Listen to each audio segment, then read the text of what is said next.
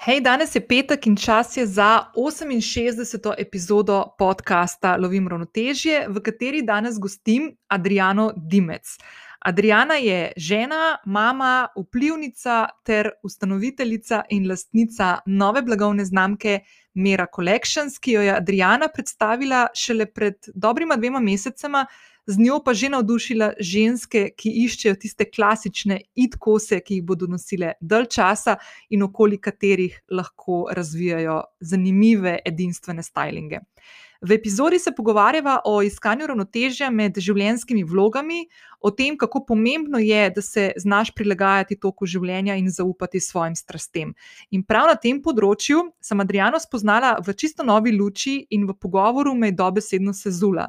Strast, ki jo je upletla v svojo znamko Mera Collections, ki sloni na brezčasnih modnih kosih, ki so oblikovani in narejeni v Sloveniji, slavijo žensko telo in odgovarjajo na potrebe in želje žensk. Uh, je ena taka naravnost čudovita zgodba, ki si definitivno zasluži našo pozornost. Današnja epizoda je odlična za vse tiste, ki razmišljate o grajenju osebnih in blagovnih znamk, njihovemu prepletanju, uporabi družabnih omrežij in grajenju odnosov prek njih, tudi takih, ki temelijo predvsem na zaupanju, dvosmerni komunikaciji in sledenju svojega poslanstva v svetu. To pa lahko naredimo samo takrat, ko vemo, kdo smo, česa si želimo, ko znamo postavljati meje in reči ne tistim stvarem ali pa projektom, ki niso skladni z našim pogledom, vrednotami ali pa potjo, po kateri želimo hoditi.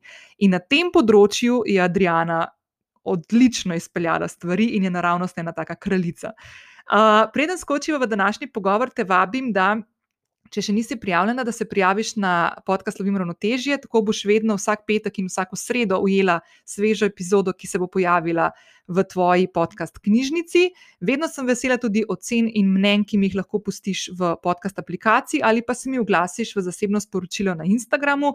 Tudi danes boš slišala pri Adriani, da tudi pri njej poteka taka lušna debata na njenih zasebnih sporočilih, podobno kot pri meni, in obe sva tega ful veseli.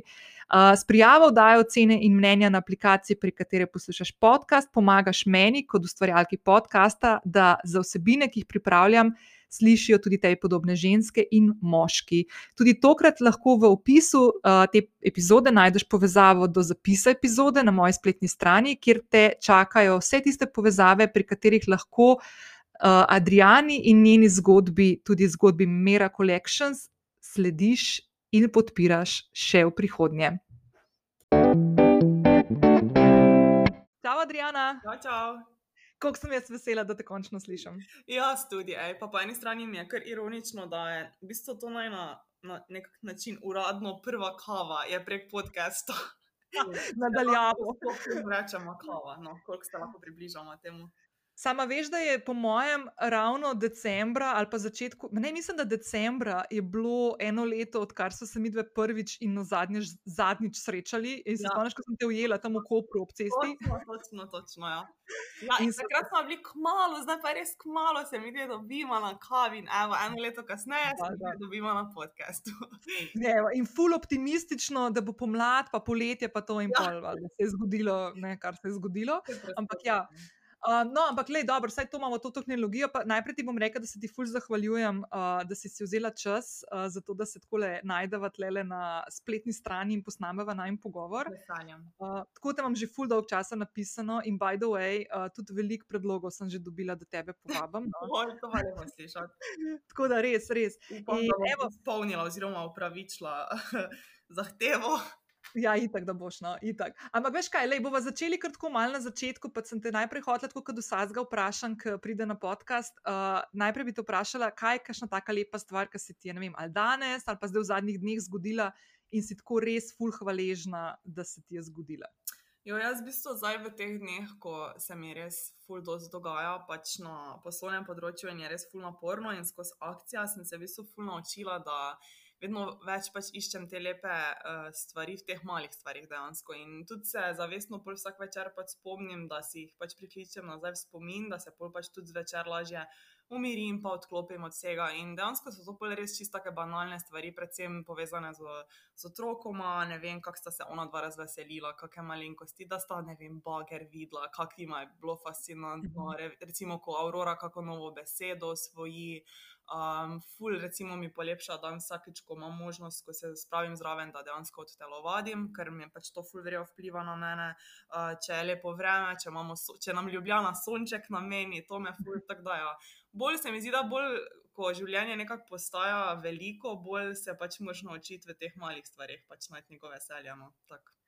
Pa se to se meni zdi, jaz sem tudi to začela ugotavljati, ko po mojem, kakšne dve, tri leta nazaj, ker sem začela to prakso hvaležnosti vsakodnevno uklapljati v te svoje dnevnik zapise in to, uh mhm. -huh. da dejansko pol začneš res te mehne stvari uh, ceniti, ne tiste velike. Ja. Preprosto pa, moraš, nimaš niti izbira. Dejansko, če se ne naučiš teh malih stvari ceniti, se potem kar zgubiš, se mi zdi. Ne? Pa to, kar si omenila, da imaš dva otroka, ne, da v bistvu to pri otrocih ful vidiš, ne, te, te res tako majhne ja. detajle, ki jim tako ful naredijo ja, eksplozijo navdušenja. Ja, jaz sem danes zjutraj, ko sem jo v vrtec peljala in, uh, in smo kar, kar nekaj na, na poti, ugotovim, da smo Auroro zgubila, da je zadnji ostala in vidim, da je pač tam zagledala bager in je bila čisto fascinirana in pač še Max se vklopi in ona sta tam skakala od navdušenja in ko vidiš, kako se lahko pač na takimi res banalnimi stvarmi, ki jih mi bi se sploh ne opazimo, ne, navdušijo. Mm te potem kar malo prizemlji, dejansko. Mm. Kako sta ona zdaj stara? Aurora bo aprila dve leti, Max bo pa junija štiri leta. Aha, ok, full dobro. Ja. To so glih tista lušna. Jaz pa ne čakam, ker je zdaj dve leti pa pol in je tudi to. Ne. Tako noro mi je uh, tako opazovati najprej, kako hitro to usvajajo neke te nove ja, besede ali pa ja. Take neumnosti. ja, noro, ja. Se, v bistvu, te besede so sploh najbolj smešne, pa njihovi stavki ali pa njihova vem, dojemanja življenja in razlage njihove, to, to te res nasmeji, res. Ja, da best.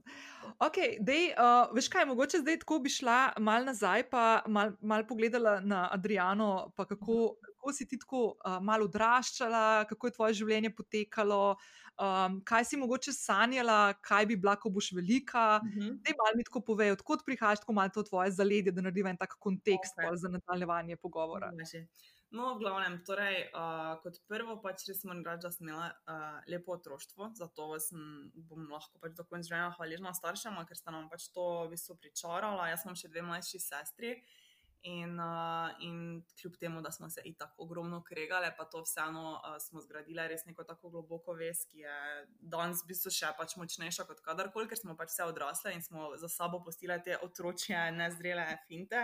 Um, in smo pač res imeli tako lepo odraščanje no, skupaj, in um, ogromno smo, smo tudi potovali, um, kar mi je tudi dalo neko širino.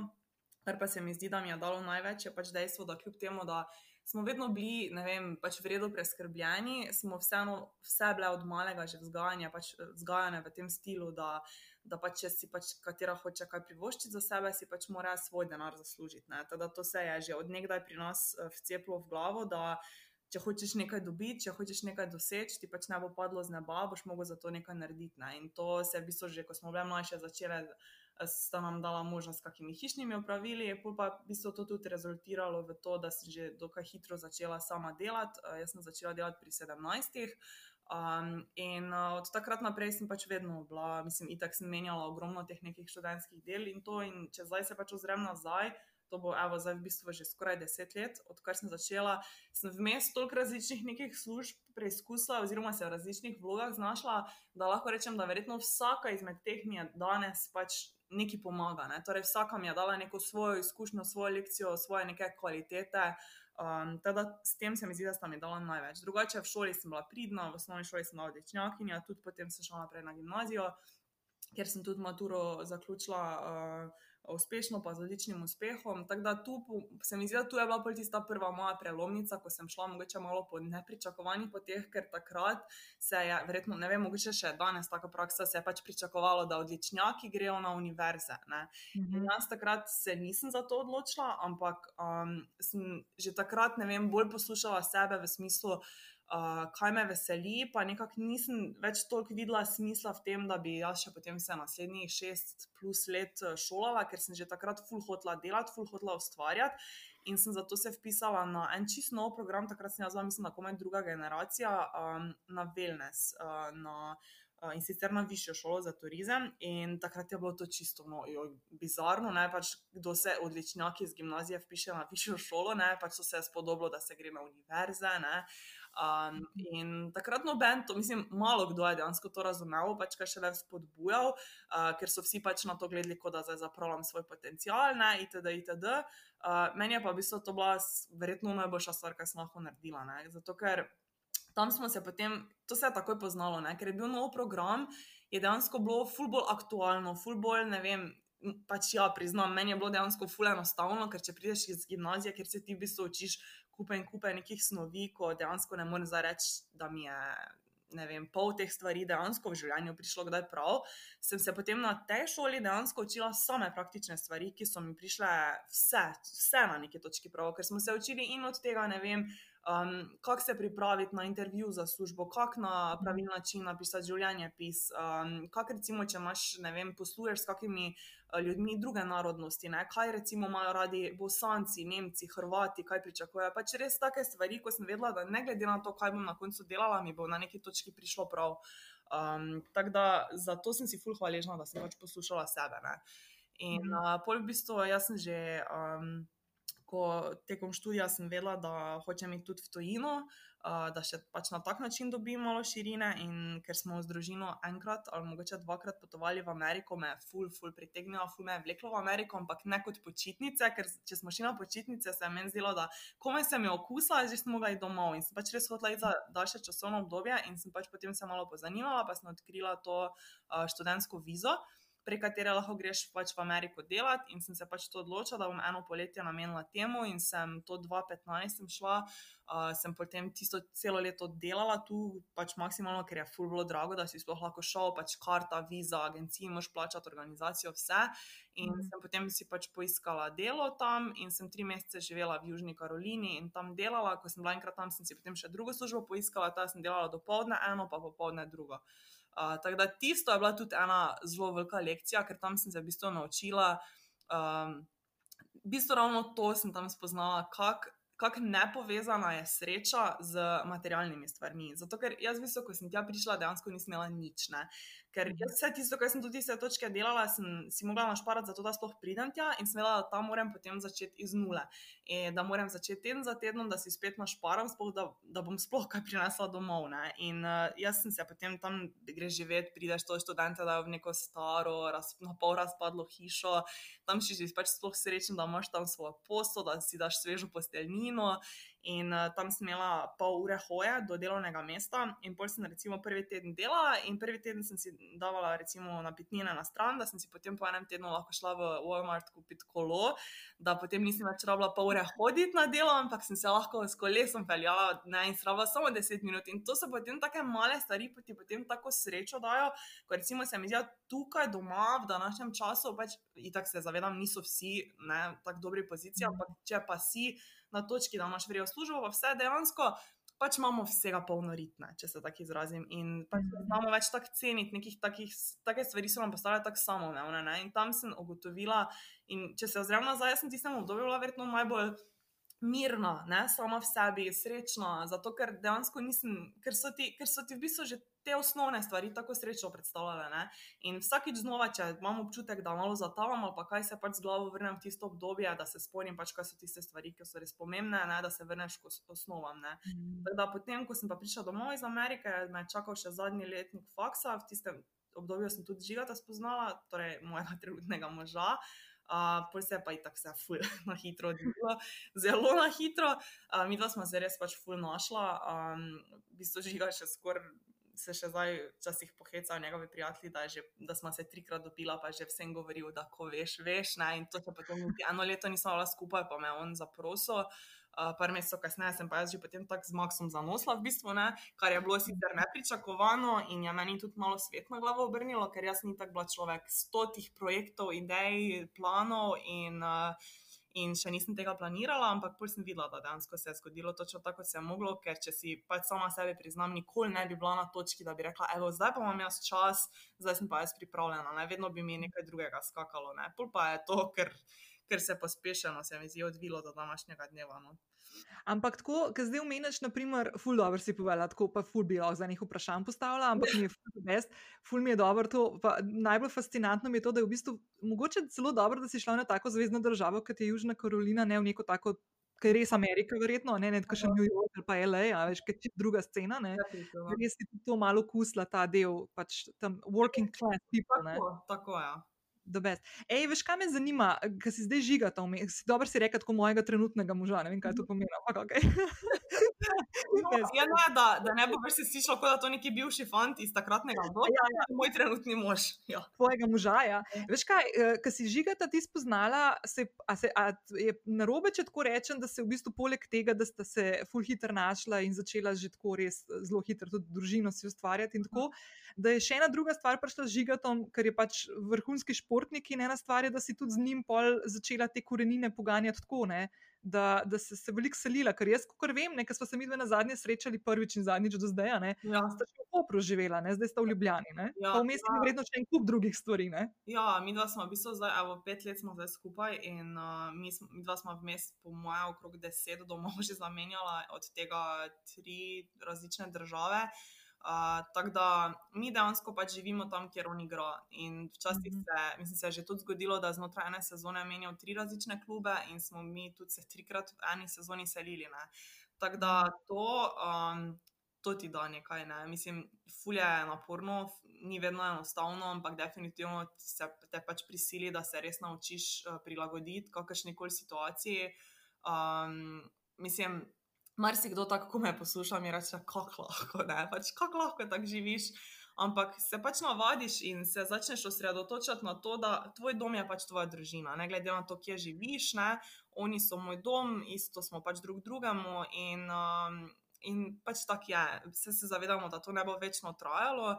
Um, tako da zdaj na tej točki se pač mi maksimalno prilagajamo njegovi karieri, ker je zdaj pač v teh letih, ko je to za izkoristiti, ne? ker Mhm. potem čez deset let bo pa pol čisto druga situacija in se bomo lahko na neki točki tudi mi ostalili in zdaj iskreno že oba uh, precej hrepeniva potem. No. Ampak vse to je mogoče, veš, to, kar smo, zdaj, ki gledam tako za nazaj, za, zadnje leto, ki Ja. je tako bilo en kup enih izzivov, se mi zdi, jaz, ko sebe pogledam.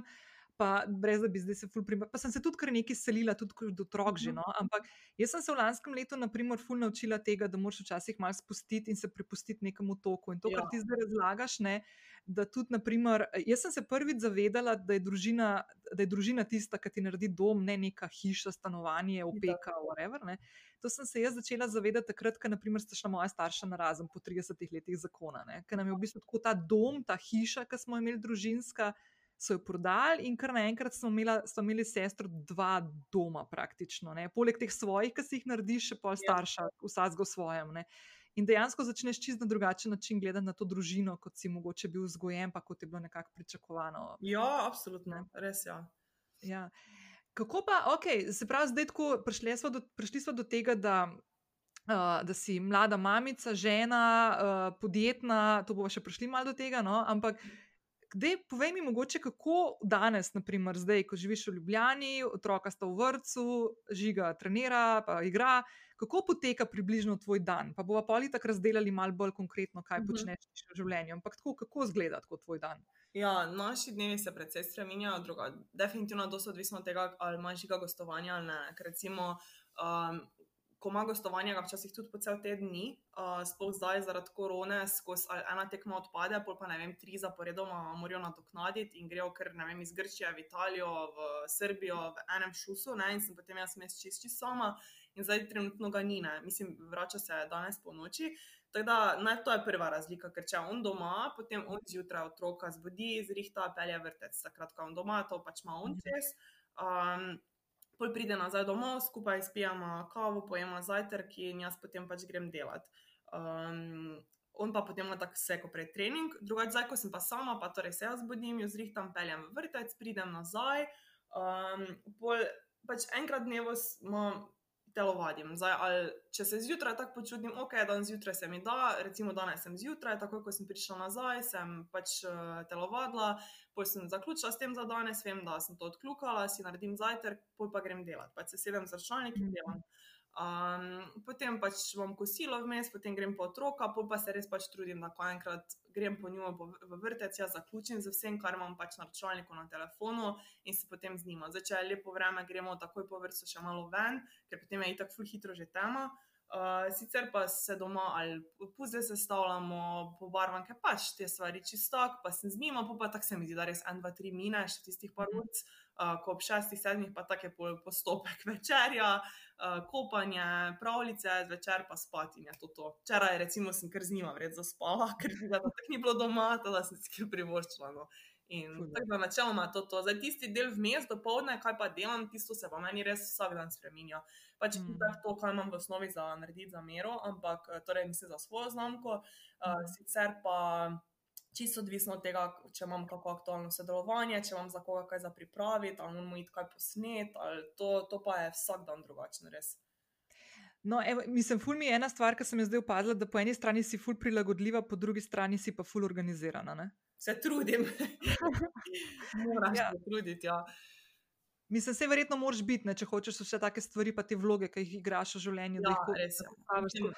Naprimer, v teh dneh, ko si sama. Ne, ja. pač, Ja. Mislim, da gre drugače, zato ker če sem sama, ko enkrat prideta ona dva domov, je pač konec. Jaz takrat več ne uspem nič narediti. Čo, recimo, mm. na začetku sem še naivno mislila, ok, se vmes pa se bo tam mogoče kaj zamotla, pa me še takrat dokončala. Ampak zdaj sem že prišla do tiste točke, da sem sama sebi priznam, gledaj, ne, nič ne boš popoldne naredila, ker ne bo šlo, samo stresiram se, ker se trudim nekaj, pa ne morem, ker bolj kot ti hočeš nekaj v miru narediti, bolj te ona dva rabita, bolj ona dva pač nekako. Um, skušata doseči tvojo pozornost ne, in te motita. In zdaj pač rečem, da ne karkoli je, bo za to eno do popovdne počakalo, če me kdo, kdo nujno rabo, me lahko pokliče na telefon in ostalo pa pač jutri zjutraj naprej. Ne. Pač moraš, dejansko, ja, trudim se biti čim bolj zorganizirana, ker pač vidim pri sebi, kako hitro popustiš, pa mislim, začneš kot kura brez glave, laufati uh, po dnevu in ne veš, kam bi se prej obrnil, hitro začneš pač visoko ceno plačevati, že zdravje in vse. In, uh, takoj se poznajo na počutju, na spanju, na vse. Tako da to je pač neki mas. Tako da tudi za recimo že konec decembra sem tudi uh, vse, vedno neke druge knjige berem in to in zdaj se tudi na mojem izboru knjig vidi, da sem dosti bolj se k temu pač usmerila. Organizacija časa, izoblikovanje navad, te stvari. No. Tako da oh, se izboljšujem. Evo, lej, do tega še prideva na koncu, ker me to pa ful zdaj zanima. To mi je zdaj si dala ful dobro istočnico. Ampak, lej, veš kaj, omenila si, dve stvari si omenila, ki jih narediš pol čez dan. Ne? Omenila si uh, Mera Collection, to je tvoja uh, blagovna znamka, ki si jo nedolgo nazaj uh, predstavila, pa bova malo taknila tega. Pa druga stvar, če imaš kakšno aktualno sodelovanje, se pravi, da uh, delaš tudi prek svojih družabnih omrežij, prek svojih kanalov, ja. sodeluješ z različnimi podjetji in blagovnimi znamkami. Jaz lahko povem, da sem eno tako sodelovanje s tabo enkrat naredila. Te, sem te predlagala in sem bila full vesela, in mm. si ena od tistih ljudi, ki jih z veseljem, kadarkoli kdo me vpraša, koga bi se poiskalo, kakšnega vplivneža, si ti tista med prvimi, ki se vedno spomnim, ki si tako full, oh, zanesljiva in kul cool in dobro delaš. In tako, no, Ampak da je mogoče, da je iti najprej na družabna omrežja, zato ker mm -hmm. se ful lepo naveže tudi uh, Mera Collection, kako, uh, kako si jo gor pripeljala potem na to. Da mi povej, kako se je začela ta tvoja zgodba na družabnih omrežjih, pa mogoče, naj, mogoče bolj Instagram izpostavljen kot, kot kaj drugega. No? Uh, kako se je to začelo, kako si zgradila neko svojo osebno znamko, pa kaj je tisto, kar naprimer. Ti je ful pomembno, da komuniciraš, pa sporočaš prek svojih kanalov, svojih ja. skupnosti. No, zdaj, da bo to imelo nek rep po glavo, moram se malo vrniti nazaj, ko se je to vse začelo. Um, to se je začelo nekje, mislim, da ne, ja, 2016, pomladi 2016 sem jaz v bistvu odprla svoj blog, kako kak naj temu rečem. In to se je zgodilo zato, ker, kot sem rekla, mislim, že v otroštvu smo dosti potovali, pa se pač ta navada je se potem tudi naprej s njo vzdrževala in sem potem tudi s prijatelji dosti potovala in to in jaz imela ful, ful, ful veliko veselja do tega, da sem um, pač po vsakem potovanju. Eh, delala te, pač montirala te videe, ne, kot neke, pa ne ravno vloge, ker nismo govorili, ampak kot neke utrinke. In potem zato, ker ena stvar, glede katera sem tudi full, full strastna glasba in pač ne vem, full, full, full čutim ob glasbi in pač ko slišim, ne vem, določeno glasbo, ne vem, določene stvari pač ne vem, asociiram z njimi in vse. In mi je pol bilo res full veselje pač kombinirati to ta moja doživetja, spomine z določeno glasbo. In sem pač te videe montirala in sem jih že prednji sem spohnila blog pač objavljala na YouTubu, na svojem osebnem Facebook profilu in so pač vedno so se ful vredno, oziroma so jih ljudje ful vredno sprejeli in so jih ful radi gledali. In blog je takrat v bistvu nastal ravno samo s tem namenom, da bi jaz imela nek prostor, kjer bi lahko te videe pač delila. Um, ampak potem v roku enega leta sem jaz postala mama in se je pač življenje totalno obrnilo in pač potovanja so se zaključila. Sporedno s tem, da sem postala mama, sem pač uh, sem se poročila z. Um, osebo, ki ima tak tip življenja, da mi dejansko ne moremo potovati, ne? ker on dejansko dobi samo mogoče maksimalno tri tedne prostega, točno v določenem časovnem obdobju in smo zelo meni glede tega. Tako da, če mi dobimo en teden morja na leto, smo lahko zelo, zelo srečni. Uh, tako da, polje je pač ta blok postal nekaj čisto 15, kar je v, v štartu bilo mišljeno, zato ker se je pač prilagodil temu, kako se je moje življenje spremenilo. Ne? In uh, itak tudi že, že iz osnovne šole sem zelo rada, pač doživljajski spisi, to, to je vse meni bilo ful, ful blizu in sem se res ful rada na tak način izraz, izražala, ful rada sem pisala, vedno mi je tudi ful vredno to šlo. In um, tu sem spet potem dobila neko možnost, da ne vem, izražam svoje čustva, um, da določene stvari, ki mi fuldosti pomenijo, ali pa pač ne vem, hočem izraziti svoje razmišljanje, to in, in se je to vse tako zgradilo. No? In potem, itak, tisto leto, ko, ko je žiga bil na Evropskem prvenstvu, je še to potegnilo. Uh, Nekaj ljudi zraven, um, tisto leto uh, smo bili pač malo bolj pod um, žarometi, ali kako se naj izrazim. Uh, Um, potem pa itak Instagram je postal vedno bolj, v, je bil postavljen v spredje, ne blog, zdaj dejansko, mislim, moram priznati, da ne vem, sploh da sem na zadnje dejansko napisala kak zapis. Um, sicer pa, ja, Instagram pa, pa je zdaj se mi zdi, da pri vseh, koliko opažam, je dejansko full, um, full tista primarni kanal. No, malo kdo, ne, ne, sploh ne vidim, ne poznam več nobenega, no, da bi še karkoli, kar po eni strani mi je škoda, ne, ker vseeno tu so v spredju slike, slike, slike, na blogu so še vedno bili pač neki res teksti ne, in neki daljši zapisi, ko so moče res lahko malo večje globine dosegli. No. Mhm.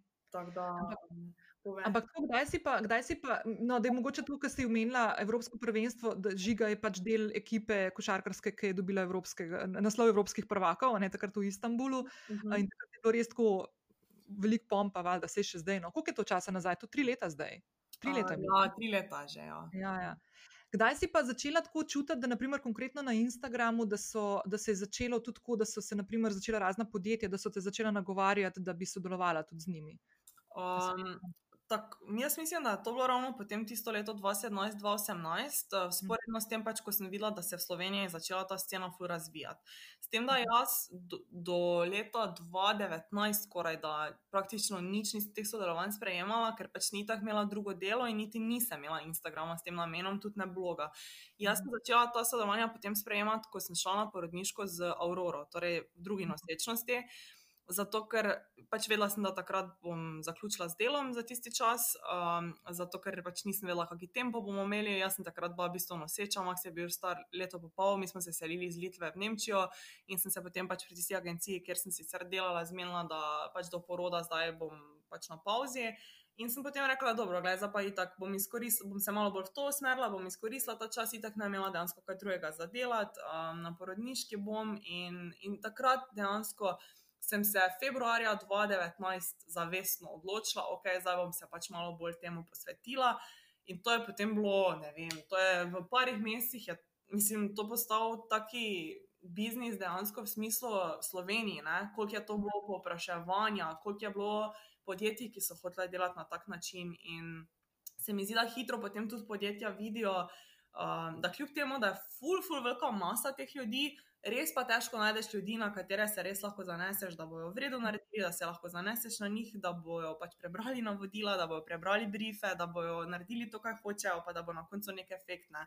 In mm. tako si ti prej govorila, pol dobra beseda hitro pride v krog in če samo sta dve, tri osebi, ki sta meni na info dobro izkušnjo in potem oni dve, trem naprej priporočata in pol se je to hitro pač poznalo do točke, da zdaj verjetno vsak dan skoraj dobim v, na mail pač kako novo ponudbo, mislim, popraševanje, kakorkoli. Ne. To je zdaj res, mislim, šlo v take razsežnosti, da jaz se vsak dan sprašujem, kje je zdaj tu meja, ne. kdaj se bo to naenkrat, ne vem, lepega dne se sulo, pa se bo to nehalo, ali bo to še kar raslo, raslo, raslo, ker se mi res zdi, da, da, je, da je to zdaj v dveh letih se tako. Razcvetelo, no, da, da spoh si, po mojem, noben takrat 2017-2018 ni mogel predstavljati, kako bi si mm. kako se bo to postavilo. Ja, veš, da sem glih dva, dni- dva dni nazaj v uh, 67. epizodi gostila Tino iz Instacoacha in sva se Mhm. ful o tem pogovarjali in v bistvu, koliko je uh, ta vplivnostni marketing postal del, del marketinških kampanj, ker praktično danes ni več večje marketinške kampanje pri nas, ki naj bi vključevala tudi vplivnost. Že po mojem bo ta stvar rastla in vedno, vedno več, tudi, uh, vedno več budžetov bo tudi namenjenih na to področje, kar se mi Ja. zdi čisto kul. Ja. Um, ampak veš, kaj me mogoče zanima? A ti, ko si začela, se pravi, zdaj dve leti, rečemo nazaj, uh, malo bolj zavestno se tega tako lotevati, ker si rekla, da si bila na porodniški za Auroro, pa to, uh, mislim, še nosečo za Auroro. A si ti tako um, se sama uh, odločila, koga, a si tako, koga kontaktirala že takrat, ali si že takrat kakšno popraševanje dobivala, pa si se potem na to odzivala? Ne, že takrat sem dobivala, že predtem sem dobivala popraševanja, samo nikoli nisem, se pravi, pred, pred tisto točko nisem jih niti sprejemala, zato ker nis, nisem se hotela zavezati nekim takim stvarem, ker nisem, nisem imela časa, se pravi, pač naporno je bilo tisto obdobje, ful, ne, nosečnost, ful, smela slabosti. Uh, Max je bil v najbolj napornem obdobju, bili smo v drugi državi brez kakršne koli pomoči, on ni mogel hoditi v vrtec, nismo imeli nobenih babic, nič ne. Mhm. In um, se tam nisem hotela zavezati k nekim. Ne. Potem, ko smo prišli nazaj v Slovenijo, pa to, pa sem imela čas, uh, pol pa in dejansko ni mi bilo treba. Um, že, že ko sem bila noseča, sem vem, imela tri, štiri ponudbe od uh, pač teh. Um, uh, Trgovin z temi otroškimi stvarmi, pa to pač s Mhm. kom bi recimo hotela pisati neko zgodbo, ne? s kom bi se- želela dolgoročno sodelovati. ne. In Že, že, jaz sem se že na tisti točki odločala, ne? mislim, mogla odločiti. ne, Pač s kom, ker naenkrat, meni je bilo to kar naenkrat ful vsega. Sem, sploh nisem mogla verjeti, eh, kako hitro se je to. Uh, mislim, da v roku enega meseca, pač jaz mislila, da mogoče to, koliko do junija. Se vseh nekih sodelovanj pa to razpletlo, jaz mislim, da bo to, ne vem, na obdobju dveh let se toliko nabralo, Mhm. kot se je dejansko. Ne? In na začetku te kar malo pogoltne notri, ker dejansko je full dosti, full fajnih podjetij z full dobrimi stvarmi, full lepimi zgodbami. In Mhm. mm. na začetku si čisto hajpan, ker bi z vsemi rad delal, ker full imaš dobre ideje, full imajo oni vredno stvari, uh, full dobre predloge, full se zaštekaš, full pač bi rad, ampak pol vidiš, da. Da ne moreš vsega. Tudi, eh, tudi če damo na stran tiste, s katerimi recimo, se sploh ne vidim kompatibilno, tudi če vzamemo samo tiste, ki so mi res fajn, že teh pač fajnih je preveč, da bi lahko vse vzel, ker bi res lahko vsak dan pač s nekom nekaj delal ne. in je Mhm. potem enostavno preveč. Ne. In kako se, naprimer, na podlagi česa se, naprimer, danes, ko ti nekdo uh, pošle uh, povpraševanje, pa ne rabiva načiti neke detajle, pa to, ampak tako Mhm.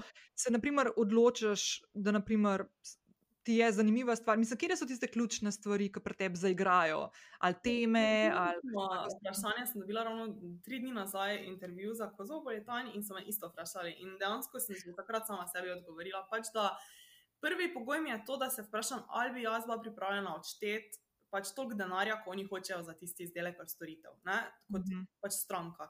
Če vidim, Mhm. da bi, ok, vrejo, ne, to mi že nekaj pove. Če bi jaz sama bila pripravljena, ok, pa, pa mogoče res lahko nekaj naredimo, ne, pa se še drugim predstavi, pa ne vem, probam, pa to, to, to je prvo. Uh, drugi pogoj je dejansko, koliko mi je, ne vem, recimo njihov način, če jaz imam že takoj, veš, kako mi pišejo ponudbo, da že takoj v glavi imam nekaj ideje, jo, to bi se ful dobro dalo tako predstaviti, to bi se ful dobro v tem kontekstu ali pa na to navezati, ne. Um, Definitivno je ful povezano s tem, koliko uživam v ustvarjanju vsebin za določene stvari. Pač recimo meni je ful veselje, ne vem, karkoli um, z modo povezanega, ker ful rada kombiniram outfite, ful rada pač uh, potem, ko s fotografijo delamo, pač te slike, videe, kakorkoli ali pa te hole. Pa to je recimo meni ful veliko veselje, sploh ne morem tega za delo smatrati, ker tako uživam v tem in to bom, to, to bom vedno vzela. Ampak to so recimo ob enem tudi stvari, ki so pa dokaj pogoste, ki zdaj ne vem, lahko rečemo, da večina pač tudi ostalih in influencer, bloger, kakorkoli dela. Tako da pol na drugi strani se pa te potem skušamo osredotočiti na mogoče take stvari, ki pa še niso tako poznane, ki so najraje pride, predstavim kakšne take stvari. Ko lahko rečem, to pa res se mi zdi, da še nobene pozna. Veš, da ni neka taka stvar, ko se jim na feedu prikazuje, na vsaki drugi objavi, pri vsaki drugi influencerki, da so res neke take stvari. Sploh zato, ker imaš pa res tisti dober občutek, ker jaz verjamem, kako je v današnjem pač času težko prodreti na trg. Ne. Ti lahko imaš fenomenalen izdelek, ampak če toliko je vsega, da če ti nimaš pravega, um, ne vem, prave osebe, ki bo skomunicirala, pa te bo predstavila. Pač ne, skoraj ne mogoče dejansko prodreti pri taki konkurenci. In ko, ko odkriješ nekaj tajega, pa viš, hej, vi imate pa res, ful, ful, verjo, jaz vam bom pomagala. In potem, ko viš, da dejansko še drugi pri, pač vidijo, wow, to pa je res ful dobro in ko je ful odziv in potem so. Sledilci v bistvu zadovoljni, ker si jim pokazal nekaj dobrega, ko še niso poznali, je podjetje ful zadovoljno, jaz sem zadovoljna in polje pač win-win-win. In ta, taka, taka sodelovanja so meni res najljubša. Ej, ful dobro. Ej, ful se je zdaj smejala sama pri sebi, ker smo očitno obe za, za kozmopolitan dali izjavo. ja, pol pa, ja, pol pa verjetno res, ker ja, nas je več odgovarjalo. Na Tako da, drage, drage poslušalke, naslednjo kozmo revijo, kupite zadnji ja. mesec pridoben. Ej, to mi je, mislim, vse si tako, ful mi je dober, pa ful mi je všeč tvoj način razmišljanja in te stvari se mi zdaj se tudi ful čutijo. No? In tudi ta odziv tvoje, tvojega skupnosti je tako unbelievable. Mislim, da smo prav tebe tudi omenili, uh, Stino, ki smo se pogovarjali v prejšnji epizodi. Ja, ker smo se pogovarjali tudi o tem, veš, kako se podjetja odločajo za nekega vplivneža ali pa vplivnico zbrati, pa kaj je fino spremljati. Naprimer, in smo tako prav, mislim, da so prav tebe izpostavili, da si en od tistih, ki imaš tako, tak engagement, naprimer, da je, ne vem, spoh ne vem, kako to delaš. Tako da v bistvu moje vprašanje glede tega je, koliko sporočil ti dobiš tako na DM, naprimer, vsak dan? Mislim, to so velike. Ja, ja. Nikoli nisem šel danes, da bi šel šteti v enem dnevu, ampak. Um, Tudi je odvisno, ne? zdaj recimo, če ti si dan, ne vem, nič na objavim, je občutno manj ne, kot pa če recimo imam en dan, ne vem, serijo kakih storijev, sploh če se kakih delikatnih tem dotaknem, pa kaj, to je pa lahko, ne vem, do 100 sporočil v enem dnevu, ne. Mhm. In, Ja, ja. um, tako da, včasih je ful, ful težko najti pač tisti balans, ko recimo pač ne vem, hoče. Jaz recimo imam ful rada ta stik z, z Mhm. sledilkami, ker ne vem, jaz imam. Se mi zdi, tako moram prav reči, prav vrijo sledilke imam in toliko me tudi one, ne vem, nekih novih stvari naučijo in vse. In uh, ne vem, jaz res ful prav rada imam ta odnos in to komunikacijo. Je pa ful težko, ko recimo zdaj, ko dejansko se pač trudim to svojo znamko, pa podjetje, pa vse in je ogromno dela s tem in potem dejansko začnem pogrešati ta stik z njimi, ampak. Ok, že nekaj ti vzame časa, že da ti pripraviš vsebine, da daš ven vse, pol pa greš še enkrat toliko časa, ali pa celo dvakrat, trikrat več, vse, kar še pa potem sledi tem vsebinam, odzivi, torej sporočila, pa vse, ker dejansko imam res take, ne vem, kako naj se izrazim, res take razmišljujoče, intelektualne sedike, ko se dejansko tudi ful poglobijo v teme in so potem kar naenkrat to postanejo res taki obsežni. Odgovori, debate v privatnih sporočilih, ko bi lahko na neki točki tudi 8 ur na dan samo to delala, ne? dejansko, da se pač odgovarjam in ono, in ti nekaj pišeš, in ono, in to se res nabere. Tako da dejansko lahko prije tudi do 100 sporočil na dan, drugače pa mogoče v povprečju 10 do 20, recimo tako, če, če vzamemo zraven pač te dneve, ko recimo sploh nič ne objavljam, katerih je pač v zadnjem času dejansko pač dosti, dosti več, ker mi je zdaj pač podjetje prednost uh, pač pred Instagramom, ne. In uh, je pač to to. Tako da, ja, sporočila so, itak se pa trudiš, valjda, odpisati vsem čim krajšem možnem času. Včasih mi je kar grozno, ko si včasih rečem, ok, grem zdaj pogledati, če sem komu kaj pozabila odpisati, pa malo preletiš. In potem kar naenkrat vidiš, joj, pred dvema tednoma, da imaš cel nek kup še ne odgovorjenih sporočil, Mm. vse veš tisto pač odebeljeno, še sploh ne odprto. In kar naenkrat 20, 30 jih mes najdeš in sploh ne veš, kako boš sploh prišel do vseh, ne dejansko. Ne, ej, ful mi je dobro, da si to zdaj povedala, zato sem te tudi vprašala, ker se mi je zdelo, da, da, boš, da boš na tak način zapeljala odgovor, ker se mi zdi ful pomembno, da pri ljudeh, ki uh, gledajo na vplivneže, ne, da se pač zavedamo, da. Um, Da tle je ogromno enega dela in časa, ki ga namenjaš za to. Če jemliš kanal, kot je naprimer Instagram, kot ga ti, in jaz imam zelo podobno razmišljanje, da če neko stvar dam ven v svet, se pravi neko vsebino in se nekdo na to odzove, je higijenski minimum, da se jaz odzovem nazaj. Ne? Je normalno. In tudi tako, jaz imam isto, ne? jaz imam naprimer na Instagramu komunity, ki, je, ki, te tako, ki se ful uplete v, v debato. Ja, bi tako rekla. Sploh, je- sploh na zasebnih sporočilih in tudi, kot si ti rekla, ponavadi so to sporočila, ki so tako napisana do unga zadnje točke, ki Tako. pač Instagram omogoča res in več, več takih naenkrat spusti. Mislim, so Ja. pa tudi take osebne stvari, ki včasih je tako težko, da ne bi odgovoril. Ne? Je pa res, da neko mejo tukaj, če tečiš tekam. No? Ker že jaz včasih, jaz sem zato začela glasovna sporočila nazaj pošiljati, ker mi je bilo enostavnejše. No? To vzela po tebi, se mi zdi. Ja, lej, kaj je najlažje. Pa meni se zdi še tako, da ljudje so ful veseli, ko tvoj glas slišijo. No? Ja, Ja, veš, tako, ja. ful osebno deluje. osebno je, ja. Ja. Ej, the best. Ok, dej, zdaj pa pejva, pejva na tvoje, tako zdaj si že parkrat omenila uh, svoje podjetje. Dej mi zdaj razloži, kako se je zgodila tvoja blagovna znamka, koliko časa si jo pripravljala, pa kaj Mhm. sploh vključuje, kaj zajema, kaj je njeno bistvo.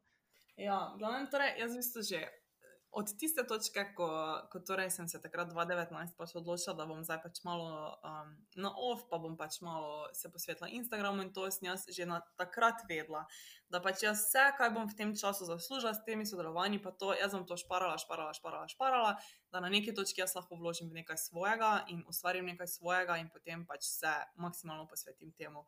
Ker v bistvu, preden sem rodila Maxa, sem že začela spletno trgovino, In je bil že, pač, že prva sezona, takrat sem začela s kopalkami in že pač prva sezona je bil full, full dober odziv. In potem nisem mogla nadaljevati s tem zaradi teh naših selitev. Ne. Torej, jaz mhm. nikjer nisem mogla imeti skladišča, jaz nisem mogla upravljati s trgovino na način, da se mi na šest mesecev selimo, pač ne mogoče. Mm -hmm. In sem mogla da pač to na stran. In zdaj v tem mestnem času pa, pol ne vem, se mi zdi, da zgradi neko odgovornost dobiš ne, do ljudi, do vseh. Mm -hmm ne vem, meni več ni pač duša postila, da bi, da bi zdaj naredila neko basic stvar, da bi, da, bi te, da bi na to, kaj hoče narediti, gledala čist iz ekonomičnega vidika, samo, okay, kaj se bo najboljše prodalo, pa jaz najboljše zaslužila. Dejansko mi ni, duša mi ni tega postila in sem pač vedela, da hočem ustvariti neko zgodbo, da hočem v bistvu narediti nekaj. Z neko dodano vrednostjo, da, da bo nekaj drugačnega, da bo nekaj kvalitetnega, ali grem v to, ali, pa, mislim, ali, ali se lotim na tak način, ali pa sploh ne delam nič. Ne. In zato sem pač začela razmišljati, razmišljati, in, uh, sem, in sem čist bolj izhajala iz svojega stališča. Ne. Pač videla sem, da recimo. Koliko nam je današnje dnevo na voljo nekih različnih trgovin, znamk, itd. A dejansko, ko hočem si kupiti neki čist basic kos, ki bi ga pač lahko mhm. dejansko nosila več let, um, pa ni, ni zdaj to čisto izhajalo iz vidika, da bi zdaj rekla, da vse ostalo, kar kupiš uh, v teh trgovinah, da je iz vidika kvalitete toliko slabše. Ampak pač preprosto trgovine pač ne sledijo tem trendom, ki se spremenjajo. Pa, če bi rekla na pol leta, bi tako rekla premalo. Se mi zdi, da se vsak mesec spremenjajo. Uh, In uh, pa hočeš kupiti eno navadno črno obleko, da bi bila vredno dolžina, vredno rokavi, da bi se vredno in je ne najdeš nikjer. Kolikrat se mi je to zgodilo, da sem hodila iz trgovine v trgovino, pa sem rekla, ne najdem navadne črne obleke. In zato sem v bistvu se potem pač začela igrati s to mislijo, ne, da bi se. Da bi se pač dejansko šivali v Sloveniji neki taki res bolj premium kosi, um, pri katerih bi ne da bi naša znamka ustvarjala neke trende, ampak bi v bistvu odgovarjala na potrebe žensk. Ne? Torej, ne bi mi narekovali, ampak bi ženske narekovali, kaj pogrešajo na trgu, kaj rabijo, s čim imajo probleme. In to tako hitro se je pokazalo, kako nujno je bilo to potrebno. Ker jaz sem potem dobivala, ne vem, po mini romane v DM smislu, jo je že pet let ne morem najti ene srajce, ker ne vem, imam večje prsi in čisto vse mhm. srajce v teh trgovinah so manik za manekenke z košarico anarjete in meni vsi gumbi grejo na razni, ne vem kaj vse. In jaz si pač te stvari vse pišem, pišem, pišem, in vse je to na razporedu, na neki točki, da se naredi, in se bo delala kolekcija za ženske z oblinami, z večjimi prsi, pač take stvari in ne vem za ženske, ki so više. In sem, ne vem, v trgovinah, sem, na neki točki se mi je zdelo, ne vem za koga oni delajo te kroje za 12-letne punčke, ali kaj vse mi je naenkrat se zdelo tako kratko, oprijeto, ne vem, kaj vse, pač pogrešala sem neke res kvalitetne kose za ženske. In uh, to se v bistvu zmeraj pač, pač trudimo delati, in ja, fulje za komplicirano, če se ti lotiš pač to na način da imaš slovensko proizvodnjo in vse. Ne samo, da je drago, ful, itak je ful drago. In malo kdo tudi se zaveda, zakaj je tako drago, pa kaj vse je tu zadaj. In pol v bistvu že, še, se moraš, v bistvu, se s tem imaš delo, da to temeljuješ, da razložiš. Ampak jaz z veseljem to delam, ker verjamem, da s tem na nek način tudi to zaveščamo in delamo neke spremembe in korak v pravo smer, ne, dejansko.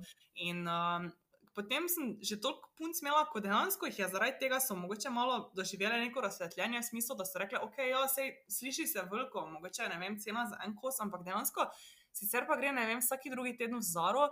Pa v enem mhm. mesecu postim dvakrat toliko v Zari, recimo, čisti mm -hmm. Recimo, jaz sama isto kupujem v Zari, pa isto kupujem v Honemu, pa posod isto kupujem, samo So pa eni kosi, ko so res neki taki klasični, ko pa jih nočem vsako leto znova kupovati, ker ampak hočem imeti enega, ko vem, da mi je tipi topi, da mi je kolit, tako da mi bolj tudi nudimo. Če katera hoče, se ji vem, še dodatno prilagodi, pa če reče, ne vem, jaz imam pa ekstra dolge roke, pa jih podaljšamo rokave, ali pa ne vem, jaz pa. Ne vem, imam tak, ampak imam pa ful kratke noge, pa bi imela krajšo dolžino. In se vse, vse, vse se da pač prilagoditi in to, da se pač jim res ustvari tisti it kos, ki ga bo potem pač res nosila par let, pa bo vsakič znova pač veselje postega po njemu. To je v bistvu neka filozofija mere in pač sem ful zadovoljna s tem, no, koliko nam je v tem času že uspelo uh, narediti na tem področju. Ej, hudo, v bistvu si naredila eno stvar, ki se, po mojem, vsi fashion brendi, prej ali slej, se bojo mogli začeti lotevati, ker smo ja. postali potrošniki taki, da nam ta fast fashion mentaliteta instantnosti ni več blizu, ne, oziroma jo počasi počas zavračamo. Ne, in to, da Ja. naprimer ena Zara ali pa H&M dobita dvakrat na teden novo robo, ne, Ja, je, kaže, kaže na to, da se pač res štanca ne, in da Ja. teh kosov, da res teh, okrog katerih pol ti narediš nek styling, ne, da v bistvu jih. Točno to, evo to. Ja, to, zdaj si fulje povedala. To je nekako namen, da, da, da imaš nekaj pač te večne kose, okrog katerih potem narediš, pa nimam nič proti, pač vse verjetno tudi jaz bom še kdaj kakšna stvar, ko bo pač to sezono v trendu, pa si greš tisto trgovino, pa si kupiš ok, ne, ampak res, da ni to tisto. Um, Ko se mi zdi, da ni toliko problem v tem, kaj kupujemo, ampak koliko kupujemo. ne. Pač zdi se mi, da zato, ker je vse postalo tako dostopno, cene so ful, ful, ful padle. Ne? Če primerjamo ne vem, cene Zare pet let nazaj, pa danes, ne, Mhm. pač dejansko lahko, mislim, res je postalo ful ugodno in, in posledično se mi zdi, da vsi kupičimo, kupičimo, ne pač vse poceni, pa si bom kupil to v vseh barvah, pa ono, pa tisto, ne. In kar naenkrat imamo mi, ne vem, vsak ima doma kupec od, ki jih potem, ne vem, dvakrat, trikrat obleče, pol pa, ne vem, zgubi tisti čar, ne. Se mi zdi, da že ko daš ti nekaj več denarja za eno stvar, ker veš, da je nekaj, kar si res želiš, pa si pripravljen več ušteti, da boš potem tudi posledično ga dosti z večjim veseljem nosil in ga boš dlje časa nosil. In se mi zdi, tu no, je najbolj tista luknja, ki Ja, ti, tisto amortizacijo, ki jo drugače imamo za avto, pa za računalnike, je bi Tako. bilo fajn imeti tudi za obleke, naprimer, Ja. jo boš definitivno bolj spelil do konca in presegel, kot naprimer na kakšnih takih kosih, ki jih daš dvakrat gor. Je pa bilo ful zanimivo, ker recimo, ko sem se spustila v to, pa sem na prvem sestanku pri inšiviljah in grosistih, ne, pač tam, kjer se potem blago um, pač kupuje in vse, in so mi rekli, pač, da naj ne delam teh, naj, ne, naj pazim, da ne delam teh navadnih basic kosov, ki jih dobiš v vsakem Hondemu in Zari. Ne.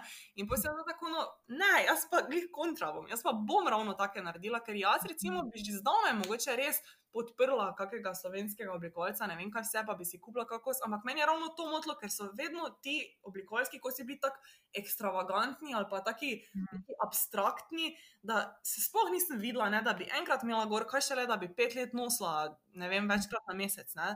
In jaz sem prav hotela narediti take minimalistične, preproste kose. Ja, se jih najdeš v vsakem zari, za, vsaki zari, pa hodimo samo.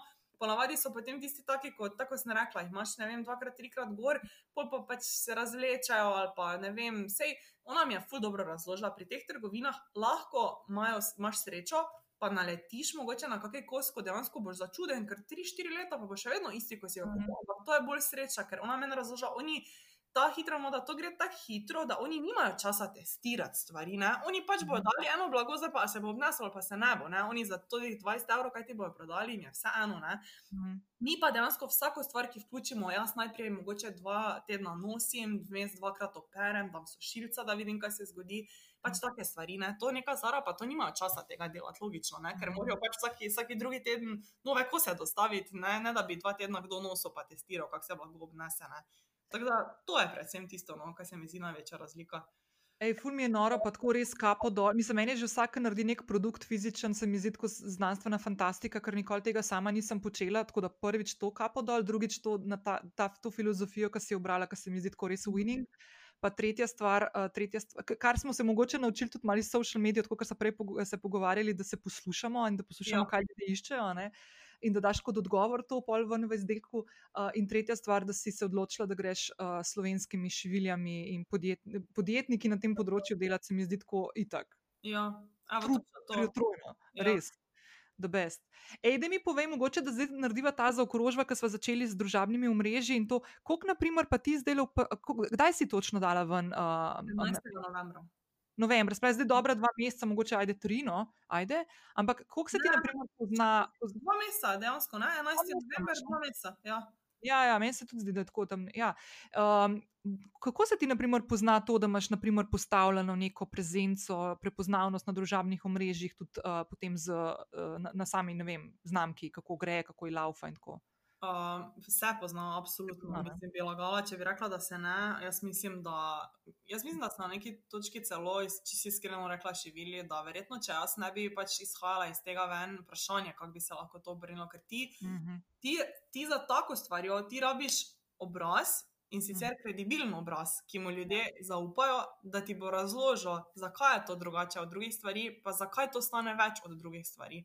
Ne, ker če, če nisi kredibilen, ali pa če te ljudje ne poznajo, ali pa če bi zato samo, ne vem, neka. Ne vem, neka estradnica, ki mogoče ne bi imela takega stika z svojimi sledilci, pa to dala ven, bi pač verjetno ljudje tako gledali, no, joj, evo, na, ne vem, navadna strajca, pa, pa hoče zdaj toliko, pa toliko evrov za njo. Ne? Mhm. Samo tako bi videli, ampak jaz, jaz jih peljem v zakolisje, pač jaz razložim. To je tako blago, to se tako dolgo šiva. Šivilja je plačana toliko pa toliko na uro, ona rabi uh, tri ure, da naredi eno strajco in potem razumeš, ne, zakaj to stane in zakaj potem ti v bistvu dobiš toliko več s tisto eno stvarjo. In če ni tu zgodbe zadaj, da ljudje razumejo, Mhm. potem se mi zdi, da bi težko to bilo uspešno. Ne. In, Mhm. uh, jaz sem v bistvu ravno, ravno zato sem sama sebi obljubila, da če že grem to, pa če grem graditi na svojem imenu nekaj, hočem, da je z dodano vrednostjo, pa da ni pač nekaj, da bi obrala tisto najbolj enostavno pot, da pač si najdem enega poceni dobavitla, nekaj izven pač Evrope, uh, pač uvozim stvari, dam svojo nalepko, govor, evo moja znamka, adijo. Ne? Pač nisem, sama sebi sem obljubila, da nočem obrati poti, da pač res se hočem lotiti tega na drugačen način. Uh, ker, pač sem sam, pač, ker sem pač človek, tak, da pač hočem narediti nekaj drugače, da hočem narediti nekaj boljše. Pa itak ni to, mislim, še to se bi dalo tisočkrat boljše. Se, če ti hočeš iti čisto vono trajnostno, pa to, pol tako imaš še druge pogoje, pol moraš ti imeti dejansko uh, blago z temi prav trajnostnimi certifikati. To, ampak to so pa potem tako dragi kosi, tako drago blago. Uh, da recimo, ne vem, samo en meter blaga že stane tudi po 50 evrov, ne? pa ti rabiš za en kos oblačila od 1 do 2 metra, odvisno kaj delaš. Ne? Mhm.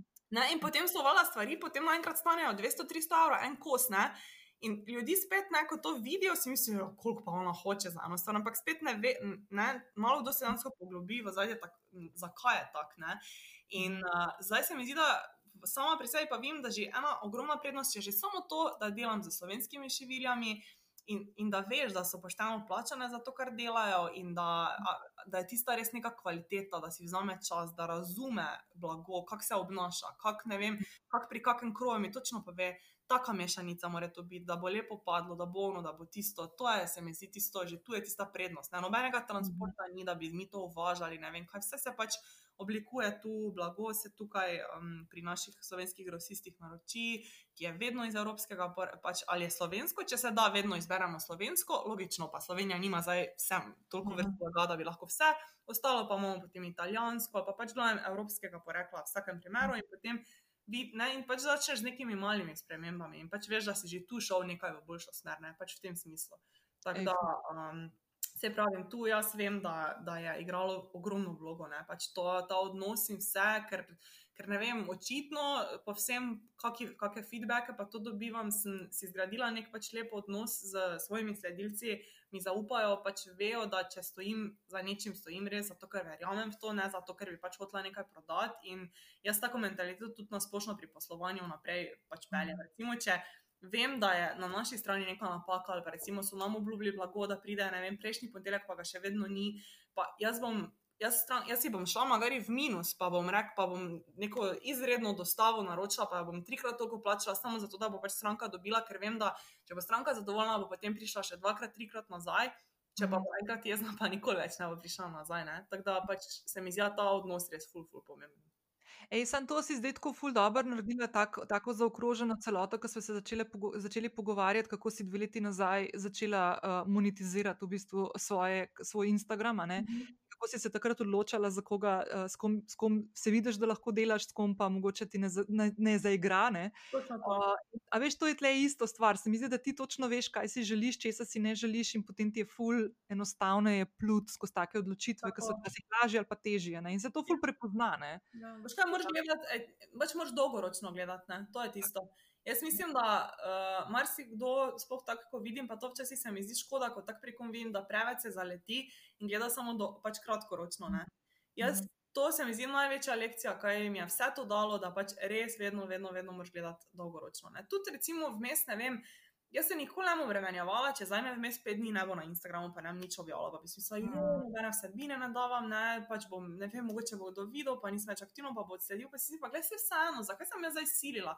Če imam zdaj druge stvari, druge prioritete, ko bo nekaj zanimivega, ko se me bo nekaj dotaknilo, pa bom nekaj hotela dati, bom dala, pa bo za, za to takrat toliko boljše, ne. Mhm. Jaz sem vedno imela tako mentaliteto in taki pristop, in vedno se mi je obrestovalo. Ne? In Preko si rekla, da sta obe stino rekli, pač, zakaj kako bi lahko imela tako, mislim, ne da se vprašaš, kako lahko ima tako veliki engagement. Pač jaz vsakemu iskreno povem, jaz mislim, da je pač to ta skrivnost. Ne?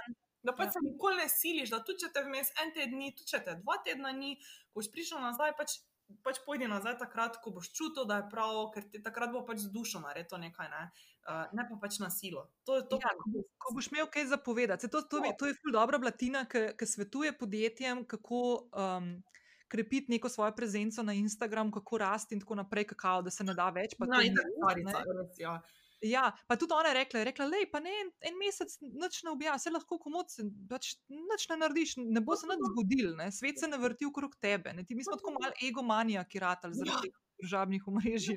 Je vse isto, je, jaz tudi nameri, ne, saj sem imela jaz plan, da to bojo vsak dan sveže objave, in ne vem, vse pa materialno, Mhm. ampak pač zmanjka čas, ampak še vedno, gled, ko bom pa imela nekaj res za povedati, pa bom šla in potem je vedno full odziv in, in, in gledajo in všečkajo in komentirajo in pač mi pišejo in, in je fajn, ne, in, in se mi zdi to dosti bolj pomembno, kot pa da bi jaz za njim vsak dan servirala neke stokrat videne slike, pa ena in isto stvar v treh različnih pogledih, ne samo zato, da pač sem tam, Ker pač itak, tako si rekla, nič ne boš zamudil, nič se ne bo zgodilo. Ne? Brez. Se mi zdi, da jaz bi prej odsledila neko podjetje, če bi mi vsak dan ven metalo neke stvari, ko bi mi bile nezanimive, ne? ko bi že Mhm. stokrat videla, uh, kot pa pač podjetje, ki dejansko se bo oglasilo takrat, ko ima kaj zapovedati. Čist tak. Ne? Ja, in se potem odzvalo na tisto, kar dobi od Ja, svoje, od svoje skupnosti. Ja. Ja, itak. Ej, ful dobr, top. Ej, tako sem vesela, da smo se dobili za podcast snemati, ker po mojem, če bi se užival, ne vem, če bi imeli tako dobre debate. A veš. Zakaj dvomiš, naju? Ne, da ne, se bova, se bova. Ampak, veš, kakšen bi šel mem, pa bi nam odnesla kam drugam Ja. Ampak, ja, ok. Ja, Ful to je. dobro. Ok, veš kaj, zdaj pa sem te hotela vprašati, če tako malo, kaj je tisto v življenju, glede na to, da si ful kreativna oseba in da tudi zdaj uh, s temi svojimi novimi podjetniškimi podvigi uh, moraš krepiti to svojo kreativnost in iščeš neke te navdihe v okolju, v katerem živiš. Kaj je tisto, ki, kam greš po navdih? Kje ga najdeš? Um, Kak mi je zanimivo, dejansko, zdaj če rečem, pač moj največji navdih od nekdaj je tako družina. Um, zato, ker vse to, kar delam, je zato, da ne, ne da delaš nekaj zato, ker bi pač hotel s tem služiti, pa da bi imel toliko pa toliko tega, ampak ker pač jaz vem, da če bom delala nekaj, kar me veseli, pa v čemer bom uživala, bom jaz srečna in posledično bom dobra mama svojima otrokoma in bom pač dobra žena svojemu možu. Pač tako je, veš, se popravijo, pač srečna mama, mislim, srečna mama, je srečna žena, srečni otroci, srečen mož, ne? Pač tako je vse povezano. In jaz vedno, vedno, vedno iščem, pač, mislim, vedno mi bo oni inspiracija, pač prva in praktično edina dejansko. Um, in pač na splošno, se pravi, pač to tvoje notranje dobro, dobro počutje, da pač veš, da delaš nekaj. Jaz sicer sem vedno govorila, da sta pač dva tipa ljudi. Pač imaš ljudi, ki ne rabijo delati nekaj, ki, ki, ki jih navdihuje, ki so ful strastni. Pač enim je delo delo. Pač so Mhm. sposobni tega, da grejo nekam v službo, odklopijo glavo, oddelajo svoje, pridejo domov. Jaz si včasih želim, da bi bila taka, ker se mi zdi včasih lažje, ker ko imaš ti nekaj takega. Pri čemer si ti toliko vpleten osebno in vse, je ful težko črte potegniti. Pač jaz se res trudim, da ob treh zaključim, ampak če bom jaz z kotičkom očesa videla, da ob sedmih zvečer mi je ena stranka napisala mail, uh, joj, kaj mi lahko povete, kdaj približno pride, jaz, jaz si ne, težko se bom oprla, da ji ne bom odpisala, ker vem, koliko bi meni kot stranki povedala, da čim prej dobim odgovor, ne? da se pač čutim slišano, upoštevano, pač pomembno. In uh, je ful težje, ne? ker če pa ti nekam tako greš delati, ko pač ni tvoje in nimaš, je potem lažje odklopiti. Ne? In to jaz takim recimo zavidam. Ne? Jaz pač nisem taka, to sama sebi priznam in je pač to to. In mm, pač moj največji cilj v življenju je dejansko naslov tvojega uh, podcasta, ne? lovim ravnotežje. To je zdaj moj edini smisel v življenju, da lovim pač ravnotežje med tem, kar delam in, uh, in pač med njimi, dejansko časom z njimi vse. Ker, veš kaj, zdi se mi, da smo zdaj v takih časih, ko se je nekako veljavila ta me- mentaliteta v smislu, da če nimaš stoj enega projekta ne, v tem trenutku, da imaš polne roke vsega, ker si manj vreden. Ne, da, mhm. da moraš res ful biti zabasan z vsem, da si pač ti aktualni leto 2021 ne, in je to to. In se mi zdi pač ful na robe, ker potem jaz iskreno priznam, pa kdorkoli me vpraša, vem, da je ful naporno in ful težko. In, in, in konec decembra sem me sredi noči panično napad zbudil od vseh teh misli in vsega, komu še imam kaj za odpisati, komu še enkrat narediti. Pač ful naenkrat je ful vsega in je težko in je pač nevarno, da se širi ta mentaliteta, kako pa pač to je normalno, da ženska pač more to vse in ono in da si potem, a veš, nekdo misli zakaj pa jaz ne handlam tega pritiska, ne pač kaj znam narobe, a sem jaz zdaj kaj slabši, a sem jaz zdaj kaj šibek, a veš, a nisem sposoben tega pač ne. Jaz mislim, da noben in tudi ne bi smel biti. Ne? Pač jaz mislim, da bolj bi se mogli spodbujati pač k temu, da, da si vzamemo easy in da si vzameš pač toliko dela, koliko ga pač rabiš, da ti lahko normalno priješ čez življenje, ne da boš imel zdaj tisoč stvari in tisoč milijonov na računu in ne vem kaj vse, ker dejansko, tako sem že v štartu povedala, nima to nobene veze dejansko z tvojo srečo. Tako da, ja. Ej, ful sem vesela, da si to zdaj povedala, zato ker se mi zdi res, jaz, na primer, nisem žena, pa nisem mama. Uh, in uh, doskrat, ko vidim, da se kašne kolegice do, ali pa znanke, prijateljice, ki se kar malo tako, so, so, ne, zdaj mogoče v zadnjem času niti ne toliko več, no, ampak mm. je bilo obdobje, ki je bilo tako res tisto, da je treba biti popoln, pa posod na, vse, na vseh področjih, pa uh, ne imeti časa za navece ali pa na kosilo. Ja delovnikom. Jaz mislim, da se stvari počasi malo v kontra dajajo, ne, da si ja. vzameš zase, da rečeš ne.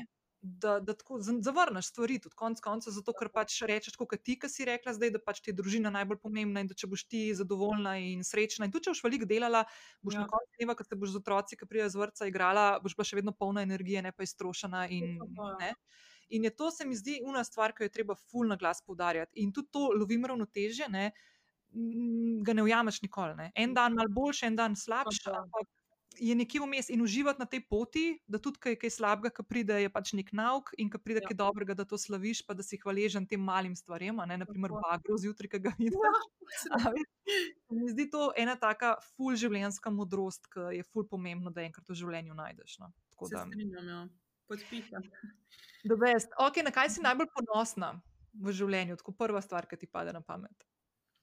dejansko pač to, koliko mi je uspelo um, v vsem tem našem vihravem življenju, vseeno pač nekako uspeti, da, da, pač, da sem ostala zvesta sama sebi, da pač nisem opupala nad svojimi sanjami, nad svojimi cilji, da dejansko, če tudi sem zdaj pet let mogla čakati na ta trenutek, da se pač lahko jih lotim.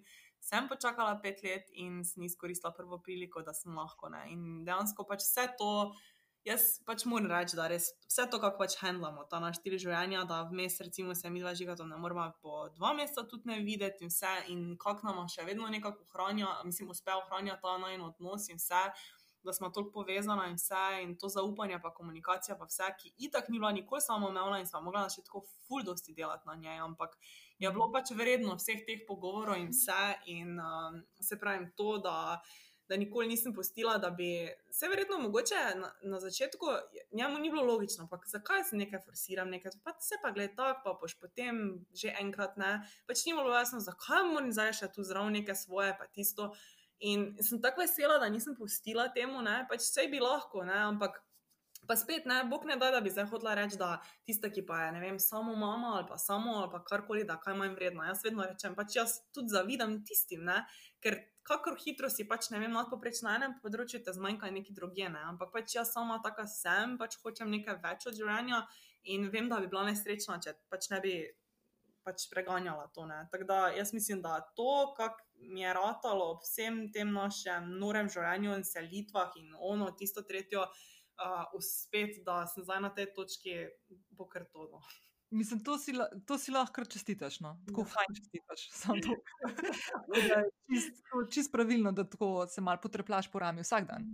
Ja. Um, okay, veš, kaj pa kakšen poraz, pa ni treba tako ga omeniti konkretnega, ampak tako, kako gledaš na poraze, ki se kdaj tudi zgodi, kakšen, ali pa neuspeh, kakšen, ali pa kakšna stvar, ki ne gre skozi, kot si si zamislil.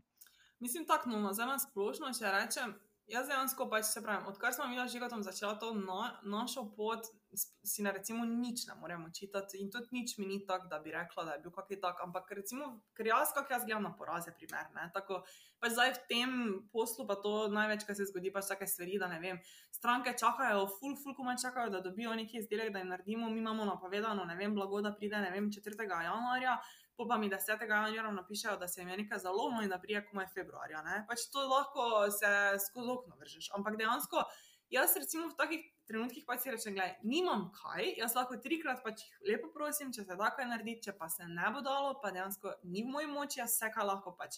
Napišem vsake stranke posebej, prijazno razložim, če bojo razumeli bojo, če ne, ne, in ponudim, da vrnemo denar, in je to, to pač ni v mojih rokah. Tako da pač mm -hmm. za stvari, ki niso v v mojih rokah se pač res trudim, da jaz naredim to, kar lahko, ostalo pa si pač skušam ne imati k srcu. Sej reči je la, lažje, kot narediti. Jaz si včasih mislim, da si najemljen k srcu, pa se mi potem hitro kaj pokaže, da imam v podzavesti, pa da dejansko vseeno nisi čisto flegma, logično. Ne?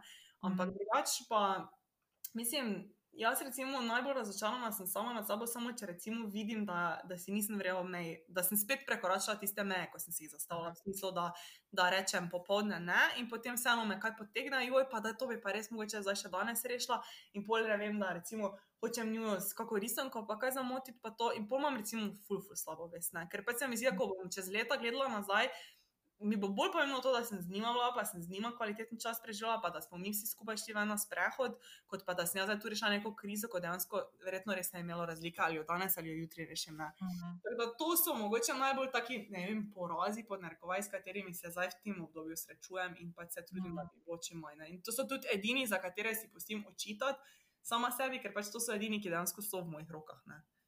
Exactly. Da, na kaj imaš ti vpliv in na kaj nimaš. In s tem, ko naprimer, mogoče gledaš, kje, kje si mogoče podrla kakšno svojo, svojo mejo, ne, jo potem dejansko lahko naslednjič pustiš bolj krepko postavljeno. Ja. Kar je ful dobr. Ja. Ja, ok, zdaj pa čist na koncu. Mal si omenila, da se v zadnjem času tudi knjige zbiraš, pa to, mhm. da se mal fokusiraš na te, eh, kako time management, pa produktivnost, pa predvsem kakšne navade, rutine.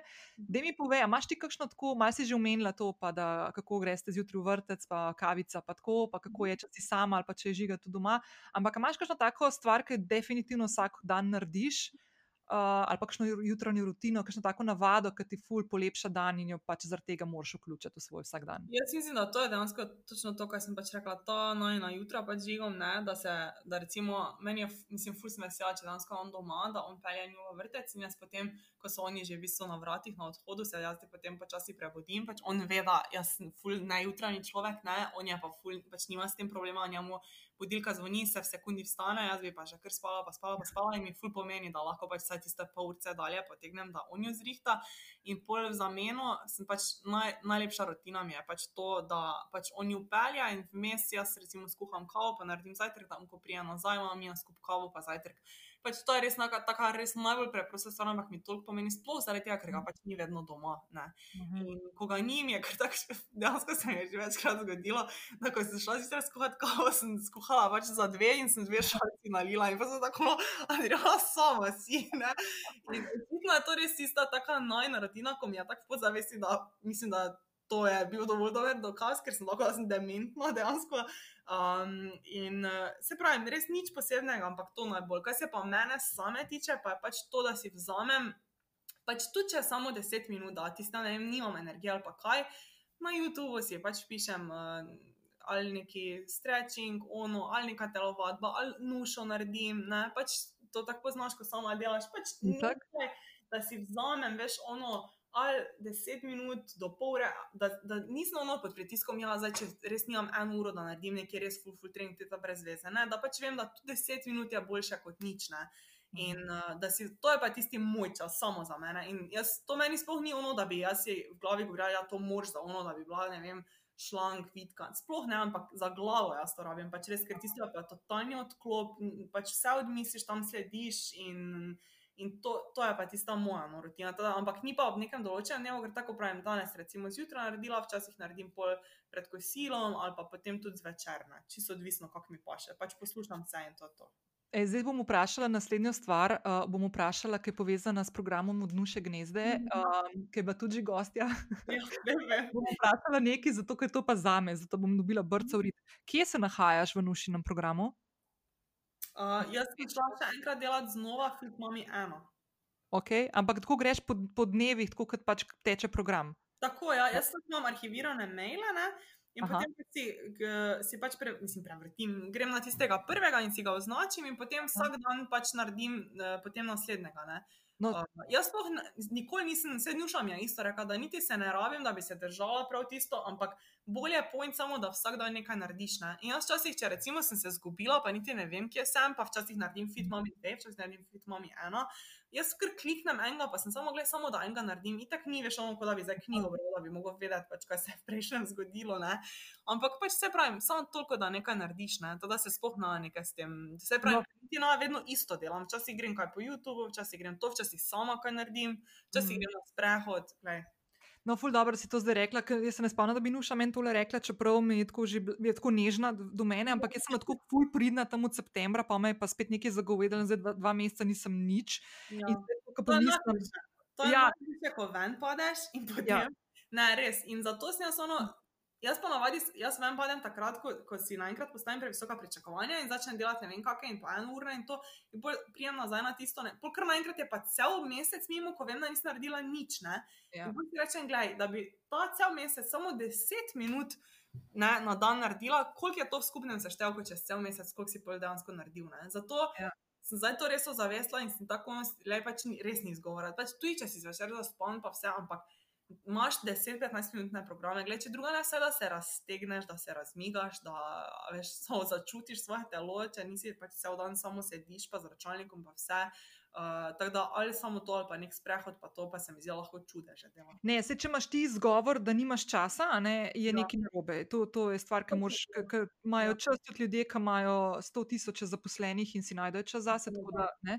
Ampak, ful dobro si mi to zdaj povedala, ker zdaj sem se pom- pomirila, da ne bom šla spet od začetka, tako kot že štirikrat, ne, šla tako, kot sem končala. Ja, ne, vala, ne. Um, ok, dej mi povej še kakšno top knjigo, film, podcast, serijo, če imaš sploh čas ali pa si vzameš čas za take stvari. Ja, gled, jaz zdaj. Serije pa filme. Grem, um, veš, to, to so zdaj ta sodobna prijateljstva, ko se recimo, Evo, ti poznaš, ne vem, da je popolnoma mama, jo poznaš. Uh, po imenu, ja, ja, ja, ja poznam, poznam. Zdaj smo začeli z izmenjevanjem knjig ne? in ravno zadnjič sem si zdaj dve novi sposola pri njej. Ena je The Power of Habit, to sigurno pa znaš, ker je Ja, valjda. No, Dober. isto zdaj berem. Uh, pol Mhm. imam pa za naslednjo pripravljeno Indistractable. Torej, pač Ah. kako sta, a veš, ker s tem imam jaz res ful problem. Pač jaz nekaj delam in pol vidim, da mi nekdo piše ali pa me kliče ali pa ono in pol ne to je itak dokazano, da če ti ne narediš ene stvari od začetka do konca, če te vmes nekaj zmoti, pol boš rabo dvakrat toliko časa, da se spet ja. vrneš na tisto točko, kjer si bil. Ne? Ja. In to, to imam potem za naslednjo, ker pač vem, da bi lahko ful bolj, ful učinkovito pač dejansko izkoristil ja. čas, da bi lahko eno stvar, ki sicer delam eno uro, bi verjetno lahko naredila v 20 minutah, če bi pač res bila fokusirana, pa ne bi imela distrakcije. Ne? Ej, to je ful dobra iztočnica, zdaj, ki si jo dala. To sem se jaz ukvarjala v pomladnem delu lockdowna.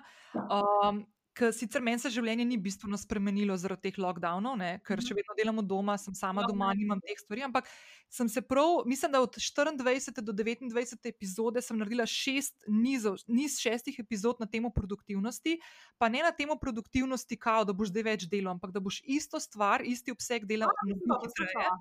Ja, to No. sem poslušala. In ena od metod je time batching, se reče temu v angleščini. To pomeni, da podobne naloge daješ v, neko, um, v nek časovni okvir. Se pravi, vem, če imaš možnost, da rečeš, uh, ponedeljki so dnevi, ko imam sestanke, ob torkih bom delala na računovodskih Ja, stvareh. točno, a veš, to se spomnim, ja, to sem poslušala, se spomnim. Da imaš ja, logika, da vse klice ne, in da si na tisti Ja. ja. dan, ki si prišparaš in tisti dan pač nameniš samo temu. Ne. Ja. Ker, by the way, in jaz in ti imamo tako obliko dela, ki bi mogoče to lahko bistveno hitreje vzpostavili, kot naprimer nekdo, ki je v službi in je vezan na ful druge dele ekipe in ima sestanke in ima toliko te svobode. Ne. Ja. In, ja, tle je sicer povezano s tem, da moraš biti uh, res organiziran, pa da moraš reči ne, pa postavljati meje, kar so danes že ful uh, dotaknili. No, tako da, ja, ampak top, Ja. the best. Ja, Ej, to vidiš, kakšne imamo vsi rezerve na tem področju dejansko. Ne. Ja, fulih imaš, ne? ampak tle dejansko se v, v tem delu, če nameniš svoj čas in prepoznavaš, kje v dnevu lahko neke, neke kriv, loviš neke uvinke, Tako. um, tle se dejansko potem lahko dobi en kup enega časa, ki ga lahko nameniš pol za ali zaradi mene, da ležiš na tleh, pa gledaš v luft, ali za telovadbo, ali za igranje z otroci, ali da greš na sprehod, ali karkoli tazga, kar Ja. ponavadi rečeš, da nimaš časa. Ja, tako je res. Ja. Ja. Ej, ful dobr. Ej, Adriana, jaz sem tako čisto navdušena. Um, ene dvakrat vmes, ko si govorila o, o svoji blagovni znamki Mera, uh, Mera Collection, sorry. Ja. Uh, sem tako imela kar kocine, so mi šle gor, ker mi je tako ful Daj. dobro, in tako strastnega poslušati. Ne res, ker je tako ful mi je všeč videti. k- k- Veš kaj, ker jaz sem tudi začela nedolgo nazaj. Ful spremenjati stvari, ki jih počnem, in sem obliko, se čist na glavo postavila delo, ki ga upravljam danes, v Mhm. primerjavi s tem, kar sem dve leti nazaj. Ja. In vem, kako je noro, ko delaš neko stvar, do katere si strasten. Ker Ja, če-. A veš, in ful rada slišim še koga, ki je tako tudi najdel neko tako stvar. To je ja. čisto druga, a veš. Ja, res je lepo. Mislim, lepo. se pravi, to, koliko ima neke slabosti, to, da se, da se pač ti odločiš za tako obliko dela, ko, boš pač, re- ko veš, da, da boš pač ne moreš neosebno imati stvari, ker pač je res tvoj pač otročiček, dobesedno. Ne? Ja. Vseeno je pa po drugi strani toliko bolj nagrajujoče, kot pa pač tisto neko basic delo, pri kateri pač nisi srcem zraven. ne. Tako da, Mm. vse to. No. Ej, hudo, the best. Pol, ne vem, ko se tole um, dvigne, ne? Ja, to Whatever, ne. tudi govorimo za Ja. ja. Po mojem ne bova šli na kuhančka, ampak bova šli na kakšen aperol špricbo. Res, ja. Ampak, ej, z veseljem, takoj, ko bo prilika, Ja, greva na eno, res, se na en veselim. drink ali pa na sprehod? Ja, ja, res, to pa res. Zdaj pa res, res, res. Ja, nujno, res. Ja. Ej, Adriana, ful, hvala, ker si si vzela čas, uh, pa Ja, le vse tvoje pozdravljam, pa sva Ja. na vezi, pa lepo, lepo bodi. Ja, Pa hvala tebi. z- Srečno z vsem, kar počneš. Ker Ja, hvala tudi ti. Ej, hvala ti. Ne naprej. Ma na vezi. Čau, čau. Čau. Hvala, Adriana, hvala tudi tebi, da si ostala oziroma ostal do konca te epizode. Ta teden je bil malo namenjen um, grajenju nekih zgodb, uh, ali to osebnih ali pa blagovnih znamk na družabnih omrežjih, konkretno na Instagramu. Že v sredo, v 67. epizodi, uh, sem gostila Tino iz Instacoacha, ki svetuje podjetjem in vplivnežem, kako graditi osebne oziroma blagovne znamke na konkretno na omrežju Instagrama. In uh, danes smo to nadaljevali tudi z Adriano, ki je svojo novo blagovno znamko Mera Collections dobesedno naslonila na svojo osebno znamko, ki jo gradi na Instagramu, ne, ne v bistvu zelo dolg časa. No. Um, jaz sem v torek imela tudi predavanje za Center uh, poslovne odličnosti na ekonomski fakulteti, ko smo se pogovarjali o grajenju osebnih uh, znamk. In je res tako, cel teden se nekako odvija o tem, kako. Uh, kako dobro je, če najdeš nek svoj ton glasu uh, in nekako s tem izstopiš iz povprečja in iz mase sporočil, ki jih vsak od nas vsak dan dobi skozi različne kanale. Um, mislim, da je rdeča nit tega tedna uh, točno to, da po, prepoznaš pri sebi uh, strast, ki jo imaš do dela, ki ga upravljaš. Um, da um, slediš nekim svojim željam in poteku, vrednotam, uh, poti, ki si jo zastaviš, da niso pomembni samo cilji, da je pomembno, da uživaš tudi na tej poti. Z vsemi stvarmi, ki pridejo zraven, včasih so to vzponi, včasih so paci, včasih so kakšni porazi in tako naprej, ampak to je del življenja in je treba te stvari zajeti tudi z veliko žlico in se od tega tudi učiti. Um, ampak dejansko je, uh, kako tudi jaz opazujem stvari, ki sama uporabljam ta omrežja, tudi zato, da uh, potem vsebine, ki jih pripravljam, ali za spletno trgovino svojo, ali za svoje naročnike, ali za tečaje spletne, ki jih imam. Um, Z mojco in Mašo, konkretno v tem trenutku, um, ali pa za ta podcast, uh, da nekako je vse vedno zelo organsko in zelo lahkotno, uh, zato ker vedno nekako poskušam slediti stvarem, o katerih imam nekaj zapovedati, po drugi strani pa z vašimi odzivi, za katere vas vedno v uvodu vsake epizode pozovem oziroma povabim, da mi jih pošljete, nekako tudi znam uh, oblikovati vsebine na tak način, oziroma se trudim oblikovati vsebine na tak način, da odgovarjajo na neke tiste stvari in signale, ki mi jih spuščate skozi povratne informacije. Zato sem tudi fulh hvaležna vsakemu in vsaki, ki se uh, pojavi in oglasi, predvsem na Instagram zasebno sporočila, kjer največ časa lahko tudi preživim, oziroma na hitro lahko odgovorim, kot so danes z Adriano govorili. Jaz ponovadi posnamem kar voice message, pa ga pošljem nazaj. Tako da, poleg tega, da slišite moj glas tukaj na podkastu, ga lahko slišite tudi v zasebnem sporočilu na Instagramu. Tako da, evo, teden je mimo. Hvala še enkrat. Jaz sem full vesela uh, za, obe dana, za obe sogovornici v tem tednu. Uh, se mi zdi tako lep uvod v, v, v leto in v izzive, ki nas čakajo um, in da tudi mogoče družabna omrežja gledamo. Včasih znamo biti malo kritični do njih, ampak jaz mislim, da to je en tak, ena tako lepa platforma, če jo znaš uporabljati na pravi način in imaš sta postavljene tudi meje, je lahko to odlična stvar, malo za družbo. Malo pa tudi, predvsem pa za tiste, ki se ukvarjamo tudi s podjetniškimi zgodbami, pa tudi zato, da uh, o naših zgodbah zve širša publika. Hvala še enkrat, hvala Adriana, hvala tudi Tini, ki je bila v sredo z nami in hvala tebi. Lepo se imejte, lep vikend. Ciao!